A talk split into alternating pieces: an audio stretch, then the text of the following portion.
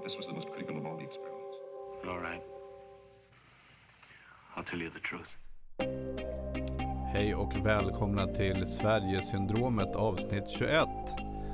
Det här är Mattias Hellström och eh, välkomna tillbaka.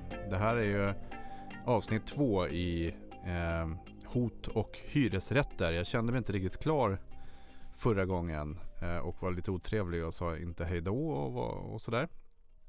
Utan jag fejdade ut. Och det, eh, det var lite frustrerande att göra förra avsnittet för jag kände inte att jag fick ut det jag ville eh, på ett bra sätt. Därför så blir det en del två. Eh, och det vi ska diskutera idag, eller det jag ska prata om idag är marginalfaktorer. Alla är säkert väl inlästa på eh, marginalskatt, alltså skatten per Eh, på den sista intjänade kronan. Eh, skatten på den första kronan kan vara lägre, kommunalskatt till exempel, utan att göra det här komplicerat. Men sen så har staten lagt på massa andra skatter, så om du tjänar mycket eller jättemycket så eh, finns det skatter som tas ut som är högre på den sist intjänade kronan än på den första. Och då är det marginalfaktorer ungefär samma sak. Att man reagerar starkare på en marginalfaktor eh, än den första faktorn. Eller marginalhändelser kan det också vara. Eh, så det ska vi diskutera idag. Jag kommer gå tillbaka och säkert upprepa mig lite från förra gången. För er som är nya och, och att det här är ert första avsnitt eh, som ni lyssnar på, det finns ju så också, så är ni välkomna tillbaka och lyssna på från avsnitt 1. Från avsnitt 6 så berättar jag mina egna historier och de första fem avsnitten gör jag med Jens Ganman och Galaxia Wallin. Um, det är också kul att folk hör av sig för övrigt, eh, även fast det känns eh, lite skrämmande varför och de frågor och, och, och, eh, inte frågor, men de berättelser som, som skickas in. Jag vet inte om man är mer benägen att höra av sig till mig om man håller med och känner att man är i, i marginalfaktorzon. Eller på något sätt eh, tycker att eh, saker är på väg åt eh, något håll. Så. I vilket fall, ett väldigt lärorikt fall, eh, en fråga som jag har fått, eh, som har att göra med ett tidigare avsnitt där jag pratade om lånade stulna roddbåtar kontra att eh, låsa eller vara van att behöva låsa eller inte låsa. Jag själv är uppväxt på landet eh, så och eh, vi låste ju inte alltid dörrarna när jag var liten. Men det jag sa eh, i det här avsnittet var att ehm, att eller frågan jag fick var om jag anser att man får skydda sig själv om man lämnar en båt olåst i ett land med liksom extremt hög, hög mellanmänsklig tillit, vilket vi faktiskt har i Sverige. Eh, tack förresten för att du skickade in det här. Jag nämner det inte namn nu. Det kanske jag gör någon annan gång för jag har inte stämt av med dig och, och tycker att det är viktigt att inte säga saker på det sättet eh, att man kan känna sig eh, kränkt eller tycka att det är jobbigt eller vad det nu kan vara erkänna att man lyssnar på podden till exempel. Um, och ska man då skylla sig själv om man blir bestulen när man åker hemifrån med en olåst dörr? Är det ens fel? Ska man skylla sig själv om man springer in till en butik och lämnar cykeln olåst och får den stulen? Eller om man jackar upp det och man blir rånad och misshandlad när man lämnar altandörren öppen? Var går gränsen för vad man som är acceptabel victim blaming?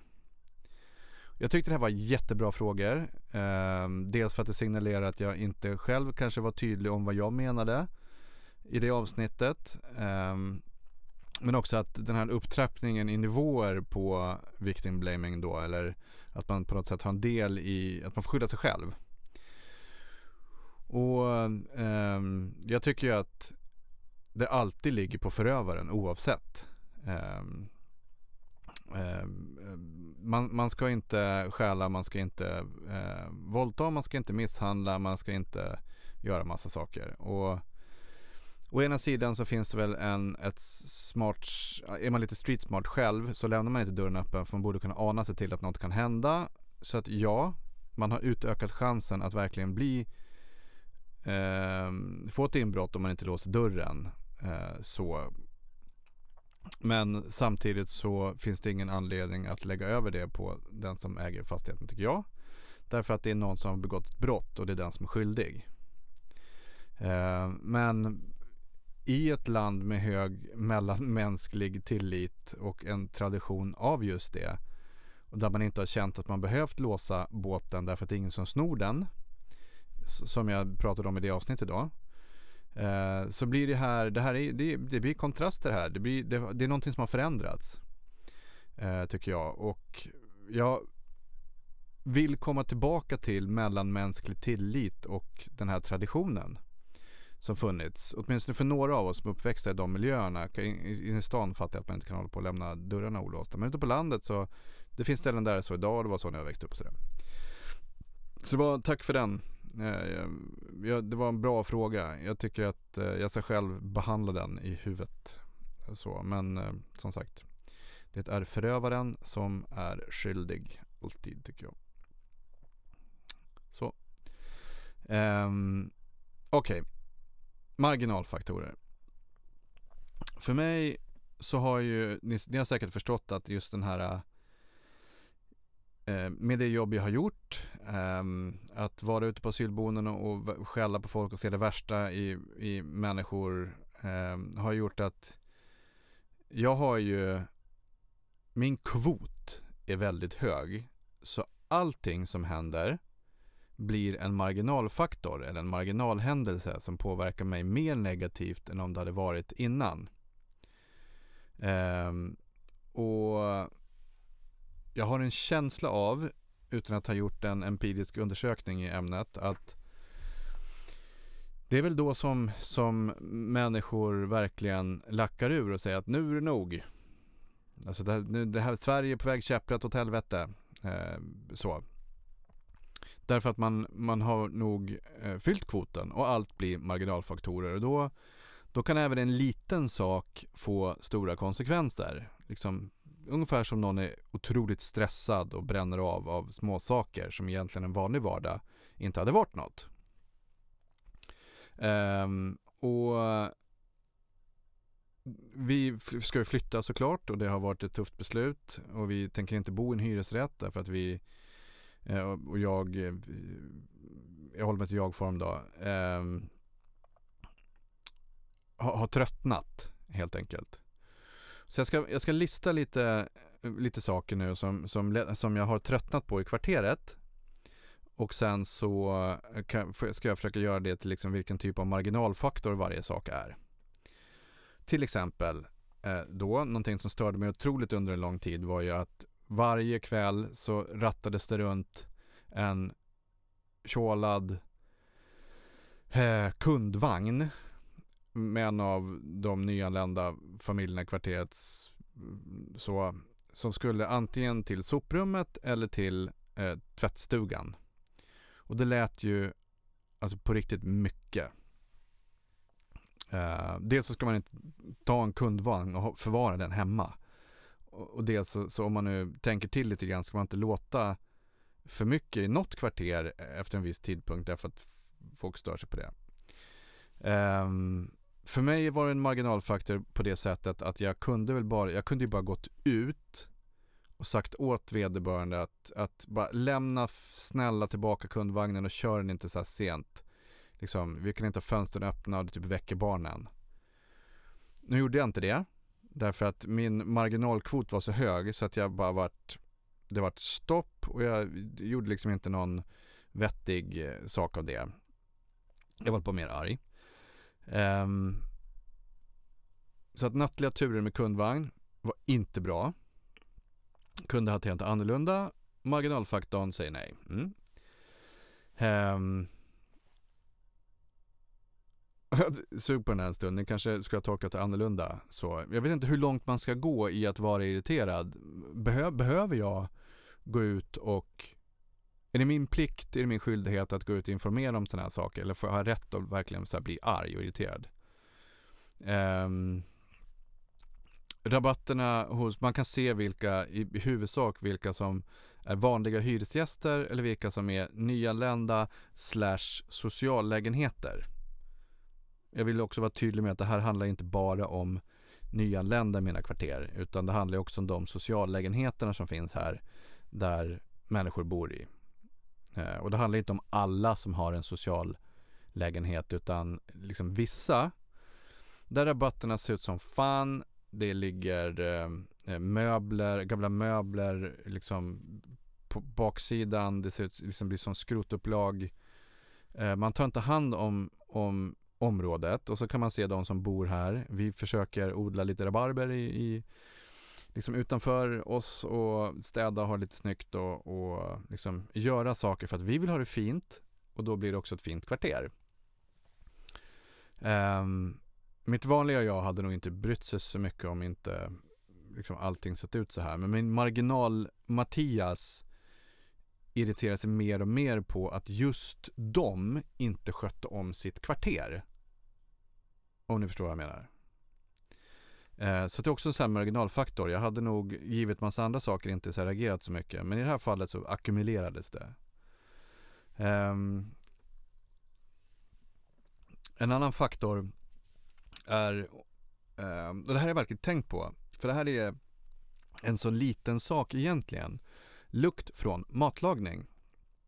Familj från Afrika lagar mat, gryta, egna kryddor luktar speciellt marginalfaktor för mig är ju att jag gillar, alltså jag, älskar mat, olika liksom kryddor och eh, att uppleva mat från hela världen. Det, det, jag, jag tycker verkligen om det.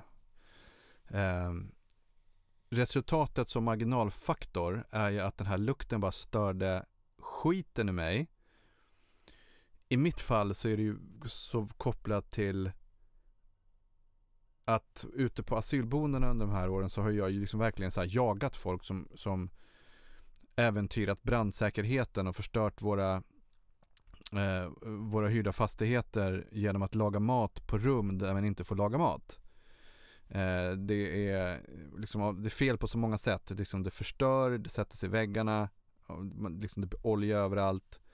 Ehm, men också att brandsäkerheten i, i den typen av verksamheter som, som jag har ansvarat för ehm, äventyras. Och det, så får man inte göra. Ehm, så att alla de här sakerna ackumuleras upp och då får liksom den här lukten från matlagning som jag egentligen är mer nyfiken på att få smaka på blir otroligt negativt. En marginalfaktor eller en marginalhändelse. Eh, så. Och då kan man ju tycka att det där är ju sjukt töntigt och bara irritera sig på det överhuvudtaget. Liksom lex eh, människor som äter mycket vitlök. Liksom, så. Och det är, det är helt korrekt. Det är verkligen ingenting som jag ens själv tycker att jag borde störa mig på. Men jag gör det för att det är en marginalfaktor. Um, vi hade för ett år sedan ungefär en, en, eh, en person som bodde i, i, en eh, lägenhet i området som fick för sig att jaga folk med pilbåge. Och då pratar vi liksom verkligen jaga folk med pilbåge. Dåligt. Um, det vill man inte heller ha i kvarteret. Och jag säger inte att man inte kan bli pilbågsjagad i en bostadsrätt eller eh, i en, eh, ett villaområde. Jag i det här fallet så var det en social lägenhet så att säga. Eh, och då jag vill minnas att han också flyttade sig ur kvarteret och jagade någon nere på centrum här. Lite oklart. Vilket fall. Det gör att liksom det sänker helt klart viljan att vilja bo i ett hyresrättskvarter för den som har möjlighet att flytta. Um, alltså det blir mycket, uh, det blir mycket negativt om hyres, hyresrättskvarter och hyresrättsvåningar nu. Men det finns också väldigt mycket bra saker uh, i de här områdena. som jag tror att om man, uh, som jag nog hade uppskattat utan marginalfaktorskvoten. så. Så jag vill, det blir, det blir väldigt negativt nu, ja jag vet. Men, men ska vi gröta ner, ska jag gröta ner mig i det här så måste det tyvärr bli lite mörkt och tråkigt. Eh, så. så ni får behandla oss igenom det själva, plocka hem det och tänka och sådär. När det kommer till barn, eh, med tanke på att jag själv har barn, så eh, hon är fyra år. Och vi flyttade hit, det var ett fantastiskt område, barnen lekte med varandra och det har liksom förändrats. Eh, fler av barnen är liksom våldsammare, skrikigare. Nu, nu pratar jag främst nyanlända. Eh, och saknar nog föräldrarna. Deras föräldrar är inte närvarande. Eh, vilket gör att, vilket stör mig därför att jag ehm, det finns andra föräldrar som inte heller är närvarande för övrigt.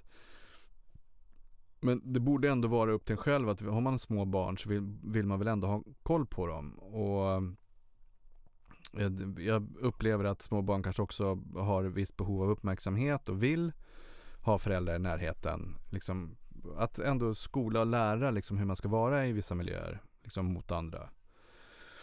Och mitt barn kan inte vara med dem för hon blir annorlunda. Hon blir liksom, hon tar till sig liksom mer våldsamma element och är otrevligare, tar till sig ord.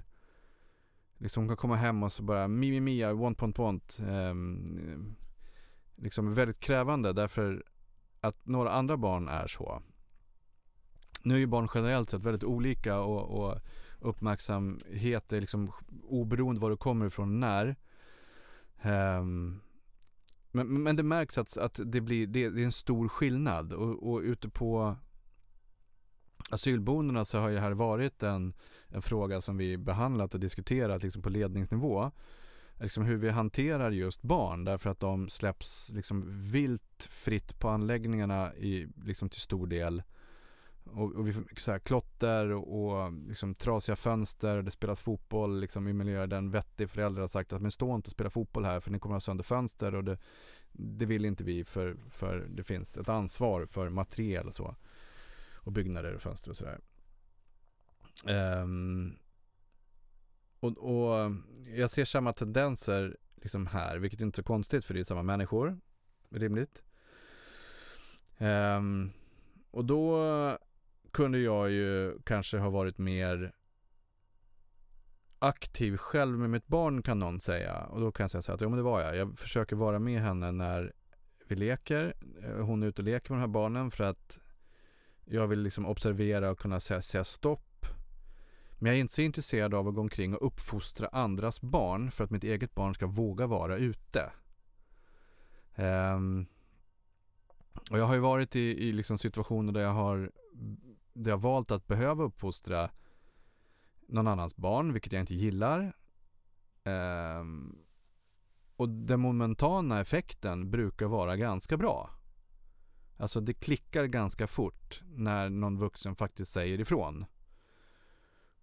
Och om man dessutom kanske säger ifrån på sånt sätt att om du är du så här otrevlig, slår någon så kommer du kanske inte Alltså du, du förstör för dig själv. Du, du kommer ju att inte liksom kunna ha vänner om du ska slå alla dina vänner och liksom om du står, om vi blåste såpbubblor till exempel och så i det här fallet så eh, stod de med barn snällt att vänta en bit bort och sen så vart jag så här eh, attackerad av de andra barnen som alla ville blåsa, liksom smälla bubblorna först eller ta bubbelgrejsblåsargrejen. Någon sån här vevgrej, bara kom jättemycket bubblor, asschysst. Um, men det gjorde att, att de som stod och väntade lite inte fick vara med och så vart det liksom Man slogs för att få göra eller vara en del i leken istället för att man kunde ta det lite lugnt och så kunde alla vara med. Det har varit väldigt, väldigt eh, liksom individuellt så. Framförallt när det kom till leksaker och det kan ju ha att göra med att, att vi har fler leksaker för vårt barn än, än de har för sina. Vilket jag är ganska säker på för jag ser inte att de har så många leksaker i de flesta fallen. Vilket också gör att de kommer till oss och vill leka med mitt barn. Och sen så det första hon säger är liksom kan du ta ut det här och det här och så leker de med hennes leksaker hon får inte vara med och så blir hon ledsen. Så, och, och, det är väl säkert en, en, poäng som, eller det är säkert så barn funkar överlag. Eh, liksom alla möjliga barn från alla möjliga ställen. Men eh, i det här fallet så är det ju här så är det så påtagligt. Eh, och, då, och det är inte riktigt en marginalfaktor, det är en hygienfaktor som inte ska finnas. Så. Eller att de är uppe sjukt sent på vardagar och spelar fotboll eller skriker och vrålar eller cyklar eller gör något. Och i ett villakvarter där det är väldigt mycket barn så tycker jag att föräldrar ändå ska liksom säga till sina barn att om ni är uppe efter tio en vardag, vilket man kanske inte ska göra om man är fem, sju år, en skolvecka. Um, för man borde gå och lägga sig och vara pigg och, och sådär. Då tar man ju inte sitt föräldraansvar. Och då blir, eh, och då, då tröttnar man efter ett tag så. Ehm, eller jag tröttnar, vi tröttnar. Um, ehm, så det, det, är mer exemplifierat eh, liksom, vad det är som har byggt upp det här för mig och gör att jag inte vill vara i det här, i det här området specifikt. Sen har jag faktiskt haft, eh, jag satt båtvakt för, för förra hösten och, och pratade med en, en, en man som satt vakt med mig som bodde i ett hyresrättskvarter som upplev, inte upplevde det här alls. Utan tyckte att liksom, liksom integration och, och allting fungerar jättebra och, och liksom det fanns ett, um, en nyfikenhet på att lära känna sina grannar och sådär. Så att det finns ju inte bara dåliga exempel. Nu är jag i ett dåligt exempel och det väljer jag att berätta om. Men jag har också diskuterat med andra som har haft bra exempel. Så det finns en balans här. Um, men ju längre man är i marginalfaktorn desto svårare blir det att sansa sig. Så. Um, och sen, alltså saker som har spett, som har spett på det här. Um, alltså det, det, det, det kommer problem som jag är van från min, min verksamhet. Hör jag liksom vaktmästarkillarna i området säger samma saker som jag har haft problem med på asylboendena. Um, vilket jag kommer att, att, prata mer om specifikt när jag pratar skadegörelse, återställning och sådär. Men uh, utan att gå, gå för djupt i det här att de, det visar sig att när man skulle göra OVK här, alltså kolla ventilationen, um, så vägrade ventkillarna från firman då gå in i vissa lägenheter för att det var uh, arbetsmiljöproblem att ens vara där. Det behövde saneras innan man gick in. Så. Och då kan man ju, då, då är den logiska frågan att ja, men det ju, har ju rimligtvis inte bara att göra med nyanlända. Och då säger jag nej, det behöver det inte ha. Men i de fallen som det är så är jag van vid problem att man stänger av ventilationen för att det ska bli varmare inomhus. Eh, eller att man slår på alla plattor och kokar vatten för att få upp liksom luftfuktigheten och också värmen. Eh, vilket gör att eh, slår man av den här typen av system, ökar fukten, om man har ingen genomströmning så går det väldigt fort innan saker så här möglar igen. Eh, det är därför ventilation är så otroligt viktigt. Eh, och är man inte van vid ventilation i Sverige på det sättet som vi har, eller städning som jag tog upp förra gången som vi har, att man liksom städar med för mycket vatten istället för att så här, dammtorka eh, så, så totalförstör man ytskikten, man förstör spisar, man förstör ventilationen.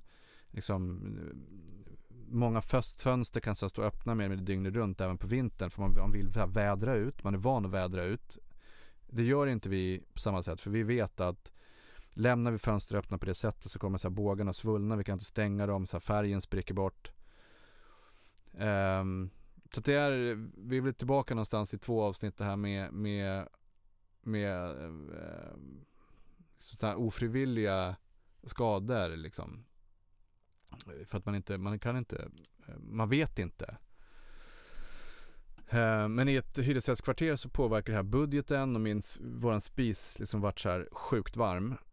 Eh, alltså verkligen eh, brännhet och vi, den behövde bytas för att jag var rädd att, att barnen skulle bränna sig på den då.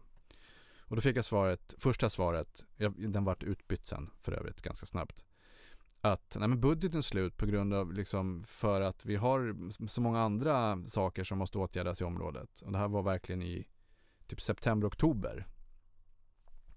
Och då konfronterade jag eh, då hade jag pratat med, med, med folk här så jag visste ungefär hur det såg ut i andra och vilka problem som fanns, inte bara det här beståndet utan andra bestånd även runt om i Sverige. Så jag kunde lukta mig till att, att det var den här typen av problem och det slog på budgeten och det påverkade mig. Och det har varit en marginalfaktor som jag inte gillar för att jag varit liksom lämnad ensam här med ett viktigt problem. Jag uttryckte mig så här på ledningsnivå och så fick jag min spis på typ några dagar.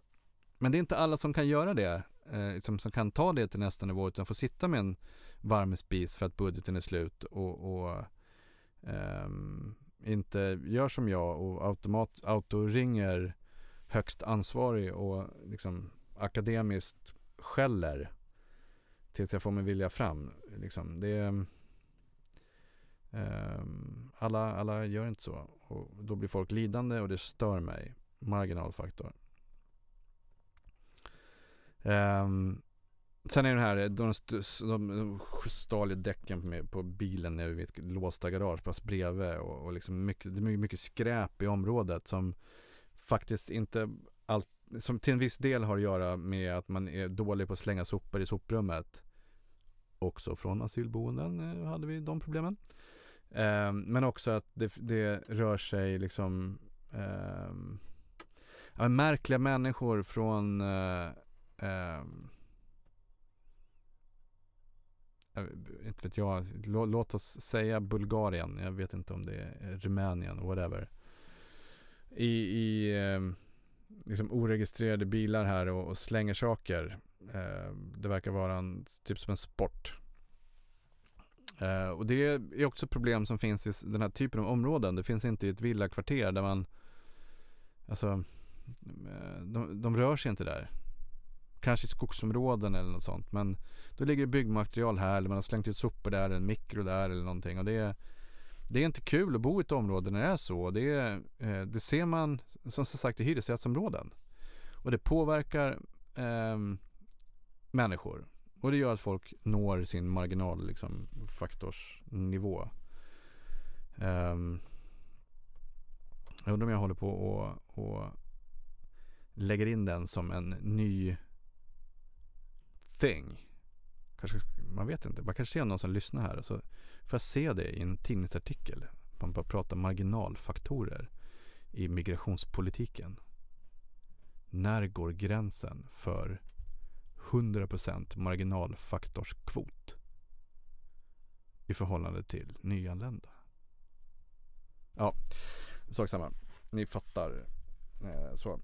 Och sen var det, sen är det jag ska ta en annan grej. Och det, det, här är, jag tror, jag är säker på att det jag ska berätta nu är gjord med allra högsta välvilja på ledningsnivå. Man har identifierat problem och man vill lösa det på ett humant och eh, smart sätt. Eh, som gynnar alla och, och eh, skapar en godare nivå. Och då har i det här fallet fastighetsbolaget Ekerbostäder då gjort en kalender varje år, en almanacka som vi för övrigt alltid använder och uppskattar och hänger på väggen. Men här, marginalfaktors Mattias eh, liksom fick ju ett riktigt bryt här. Och då, då ska tillägga att vi har haft en process där vi försökt ombilda eh, vissa lägenheter här till bostadsrätter så vi själva ska kunna ta hand om fastigheterna och området runt oss bättre. För vi tror att det skulle gynna, gynna miljön här. Att blanda upp mer ägandefrågan för att liksom stärka kvarteren. Eh, mer eget ansvar, liksom mer ansvar överlag och sådär. Plus att, eh, men, men och, och, vi har gjort en del artiklar om det lokalt och vi kom ingenstans och så slutade med att en av de som drev det här lackade ur och, och flytta och sen så har liksom intensiteten gått lägre. Men i samband med det här då så, så var det mycket kritik från oss och det spillde över på fastighetsbolaget och så tänkte man till och så gjorde man goda granntips. Säg hej till din granne i kalendern. Och då finns det tre nivåer som de har gjort då liksom att eh, eller tre nivåer. Det finns, man kan bli olika typer av grannar. Liksom. Några enstaka nivå 1, då är man en bra granne. Huvudsakligen nivå 1 är man en godare granne huvudsakligen nivå 2 supergranne och huvudsakligen nivå 3 hjältegranne. Så att vi börjar alltså på bra granne och så kan man bli hjältegranne. Och det var väl, det var väl eh, skönt tänkt så. Nivå 1 liksom, att erbjuda att vattna grannens blommor när, när hen åker bort. Ja, trevligt. Nivå 2, ta hand om grannens husdjur när hen åker bort. Ja, inte helt omöjligt. Nivå 3. Starta husdjurskollo för alla husets djur som inte får följa med på semester. Ambitiöst. Ja, Crazy Cat Lady. Möjligt. Ja, men det var lite trevligt. Liksom sådär. Jag vet inte om man blir bättre eller sämre granne för man startat ett husdjurskollo. Liksom. Det är väldigt hög ambitionsnivå på den. Um, ja, vi ska ta hand om liksom, sopor här. Sop, alltså miljö, miljö sopor och så. Och tyckte man att ja, men nivå 1, sortera dina sopor och lägger rätt behållare i soprummet. Ja, hygienfaktor tycker jag man ska göra, helt korrekt. Nivå 2, hjälp dina grannar att förstå hur man sop, sorterar sina sopor på ett snällt sätt. Okej, okay, jag ska alltså ta ansvar för mina grannars sopsortering. Det skulle göra mig till en bättre granne. Ja, civilsamhället. Ordna en aktivitetsdag med tävlingar i sopsortering. Ja, tappade mig lite där. Det lät lite något som jag inte tänker göra och jag tänker inte känna mig som en sämre granne för det. Liksom dåligt samvete för att jag inte anordnar sopsorteringstävlingar. Mm. Kul. Och sen så eh, kommunika, kommunicera mer för grannsämja var en punkt här. Och Novet, passa på att småprata med grannarna i hissen, tvättstugan och soprummet. Check på Mattias, jag pratar med alla. Min fru skäms för mig väldigt, väldigt ofta för att jag pratar med människor i hissar och på affären och i taxfree och hela tiden faktiskt. Eh, ofta utan att någon har liksom gett en öppning till att jag ska prata med dem. Så pratar jag ändå eh, och så skäms hon. Så. Eh, lär din granne säga hej eller jag visst på ett nytt språk. Okej. Okay. Integrationsansvar. Ja. Det är med gott, eh, liksom med goda intentioner man gör det här.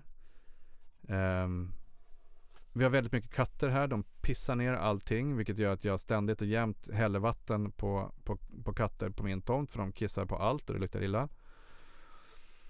Och då så här börjar jag irritera mig då på att eh, Nivå 1, plocka upp lämningar efter din egen hund eller andra eh, husdjur. Ja, hygienfaktor, det ska alla göra. Nivå 3, liksom, plocka upp efter grannarnas hundar och katter. Men vad fan ska jag plocka upp efter dem för? Det är inte mitt fel. Jag ska alltså ta hand om mina grannar så att de är så här kassa och inte klarar nivå 1. Då ska jag bli en bättre granne och plocka upp efter dem. Ingenting man borde bli så upprörd för som man inte skrivit här i en kalender. Men det här är också en sån här marginalgrej tror jag. Goda intentioner och sen så, eh, så blir det inte riktigt bra. Så att hela den här kalendern alltså blev verkligen, för mig så vart den, har ni inte ens Alltså har ni inte lyssnat på oss i kvarteret, ni behöver liksom renovera, rycka upp, informera, göra någonting på, liksom göra aktivt. Inte ha, vi ska samla in information så att vi har en eh, träff klockan ett en vardag i kvarteret så att alla grannar kan få komma till tals. Man bara, dude. Den tidpunkten är jag på jobbet. Jag kan inte ta ledigt från jobbet för att sitta och småprata med er om förändringar i kvarteret en vardag. Lägg det klockan sju på kvällen. Nej, då gör man inte det för då eh, Jag vet inte om man inte vill ha liksom återkopplingen. Eh, vi vill ha in förslag på vad vi kan göra i kvarteret och skulle man ha en så här promenad runt i kvarteret. Och då la man också en vardag vid typ 1-2 rycket. Det är klart att det är ingen som kommer för folk är ju på jobbet. Alltså det är, eh, man behöver ordna, man behöver liksom ta Det blir inte alltid bra om man, om man liksom lägger över ansvar för eh, Man flyttar ansvaret för, från sig själv och man räcker inte hela vägen i de aktiviteter man gör. Och sen så ska man så här lägga skuld på grannarna för att man inte blir den här supergrannen. I mitt fall kopplat just till integration för att jag har jobbat med asylboenden och därför är mer känslig där. Så. Um, och då kan man ju säga att jag uh, är brun eller har någon annan färg för att jag säger så här. Och att jag behöver då förklara mig, vilket jag inte tänker göra.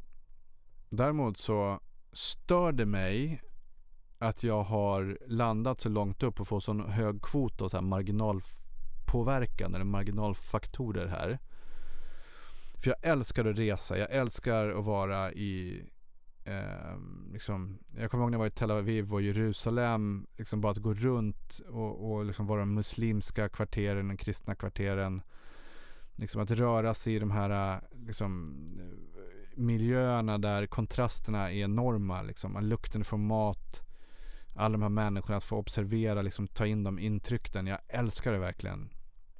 Liksom, jag har bott i Kina um, och liksom att få resa runt i Sydostasien, liksom Kina liksom, eller Filippinerna liksom, och, och, och lära sig allting och möta med olika alla de här olika sakerna i religion och kultur och mat och så här. Alltså jag, jag på riktigt älskar det. Um, och det, det, jag, det, det stör mig att jag under de här åren liksom i mitt jobb har ackumulerat så mycket att jag inte på hemmaplan ens kan förvalta de här det som jag normalt tidigare har liksom fascinerats av. För att jag är så fed up med det här. Och då, då tänker jag så här. Om vi kopplar tillbaka till det här med hot som jag pratade om förra gången. Att liksom tonläget är liksom så hårt ute i sociala medier. Eh, liksom så fort någon säger någonting så ska man antingen kommer en så här vänstervinkling på det. Vilket ofta innebär att eh, vi måste ta hand om liksom, människor som kommer hit. Det kostar vad det kostar vill. Liksom, vi ska öppna dörrarna och vi behöver mer invandring eller vi behöver ditten eller vi behöver datten. Liksom. Men tycker man inte så som man rasist. Och på högersidan så, så, har man, alltså, så verkar man på ett annat håll. Man pratar om begränsningar liksom så och i mitten så vet jag inte vad man gör riktigt. Någon så här mischmasch av inte beslut för att trappa igenom en åsiktskorridor. Um, och jag tror att det, det, är så många som är uppe i den här, de är så marginalfulla, så alla små påverkningar som kan bekräfta deras bild slår igenom bara 100%. Oavsett om det bara är små saker som att rabatterna ser ut som fan eller nattliga turer med en kundvagn eller luck från matlagning eller vad det nu kan vara. Som är så här små oskyldiga saker enskilt men som i en, i, i en, en, en tid av liksom överbelastning när liksom dramat kommer från alla håll. Liksom, liksom sjukvård och i mitt, nu pratar jag om hyresrätter och, um, och man känner att vi det, det, är någonting som inte är bra. Och det är vi rädda för. Um, jag tog upp förra gången att jag gjort lumpen. Eh, liksom så. Vilket jag, och jag, jag har tänkt på varför jag tog upp det där förra gången och liksom att inte låta som en galen liksom, militär som alltid står och gör honnör mot faran, fanan liksom, vid varje givet tillfälle. Vilket jag inte är, så jag är inte rädd för att bli tolkad så heller. Men eh, i en diskussion mellan det avsnittet och idag så pratade vi om några saker man fick ut av att göra värnplikt. Eh, jag uppskattade det. Det var massa saker som var jättetråkigt och, och jag skulle klara mig utan och det var massa saker som var lärorikt. Men en sak som jag har med mig från min värnplikt är dels att jag har under, jag, jag låg inne i typ 14,5-15 månader någonting, 14,5 så. Eh, man blir drillad i att försvara sitt land. Alltså inte alla, men där jag, den delen jag gjorde så var att jag drillade och försvara mitt land. Eh, vilket gör att jag, man då rimligtvis reagerar på hot, hot utifrån oberoende vad de är eller man ska reagera på hot inifrån. Eh, så. Och man har en stolthet för liksom symboler. Eh, svenska flaggan till exempel som är en stark symbol för mig. Jag tycker att den är viktig. Eh, jag var med vid ett statsbesök från eh, eh, Sydkorea precis då. eh, eller Republic of, of Korea som det fint heter. numera. Och de, där mötte jag på också de här symbolgrejerna. De, de vek sin flagga när den hängde på en standard så att den såg så här supersnygg ut. De är proffs på att vika flaggor. Därför att de är jätteduktiga på symboler. Eh, jag känner igen det från Kina också. Eh, så. Och jag, det, det finns sådana saker hos mig också. Um, så att när, man, när det händer saker som är dåligt för Sverige, jag reagerar instinktivt direkt liksom, och ställer mig i försvar. Jag tror att jag har med det från, från den perioden av mitt liv. Och ibland funderar jag på att Alltså är Man gör ju inte värnplikten på det sättet idag. Men jag vet inte om man om, om yngre människor idag, alltså jag är inte supergammal, jag är 42 så att det är inte så att jag håller på att gå i pension här. Var bättre för. Um, ehm, men ändå att de yngre inte har lärt sig att vilja försvara sitt land. Det behöver inte vara drastiskt, det behöver inte vara det behöver inte ha att göra med att man ska rulla ut stridsvagnar och liksom militärt försvara sitt land. Utan bara att man vill ha en vilja att åtminstone se över, är det bra eller dåligt för mitt land? Liksom, och ta beslut därifrån. Politiker borde ju rimligtvis alltid tänka liksom, är det bra eller dåligt för, för landet Sverige innan man tar beslut. Eh, är det bra eller dåligt att vi skickar pengar eller gör ditten saker där eller stiftar den här lagen eller gör ditten datten. Är det bra eller dåligt för Sverige? Givet fakta så. Eh, och ibland undrar jag om den här parametern finns med. Tänker man liksom, är det här bra eller dåligt för Sverige? Eller går man direkt på, är det här bra eller dåligt för någon annan som jag känner ett ansvar för? Det i sig behöver inte vara dåligt. Därför att är, vi är intjänande och vi är omhändertagande och vi är liksom trevliga och hårt arbetande och massa saker som gör svenska liksom i stort. Och just, jag tror att det här omhändertagandet finns där. Vi vill inkludera, vi vill ta hand om, liksom vi har eh, ett politiskt och samhällssystem som är väldigt inkluderande egentligen. Eh, liksom välfärden är ju ett eh, är ju liksom djup i folksjälen, folkhemmet och sådär. Så vi vill ta hand om, men att man tappar det där, just det här att vi måste kanske ändå allt, i alla de här viktiga besluten för vårt land tänka är det bra eller dåligt för Sverige? Och sen värdera därifrån. Och det känns inte som man alltid gör det. Ja, hot och hyresrätter del 2 var det där. Ehm, tack för att ni har lyssnat. Det avsnittet brände på ganska kvickt. Ni är välkomna att höra av er till mig. Enklast är att gå in på Facebook-sidan facebook.com Sverigesyndromet. Skicka ett meddelande, eh, hota mig, säg att jag har eh, säg, dåliga saker eller bra saker, ifrågasätt, kritisera. Eh, jag välkomnar verkligen det. Eh, jag lär mig mycket av de, de, de få mejlen jag får. Ehm, och, och, jag uppskattar det jättemycket. Så gör det. Och vi... Eh, jag är tillbaka som vanligt om ett avsnitt. Och eh, jag hoppas att ni lyssnar även då. Tack för idag.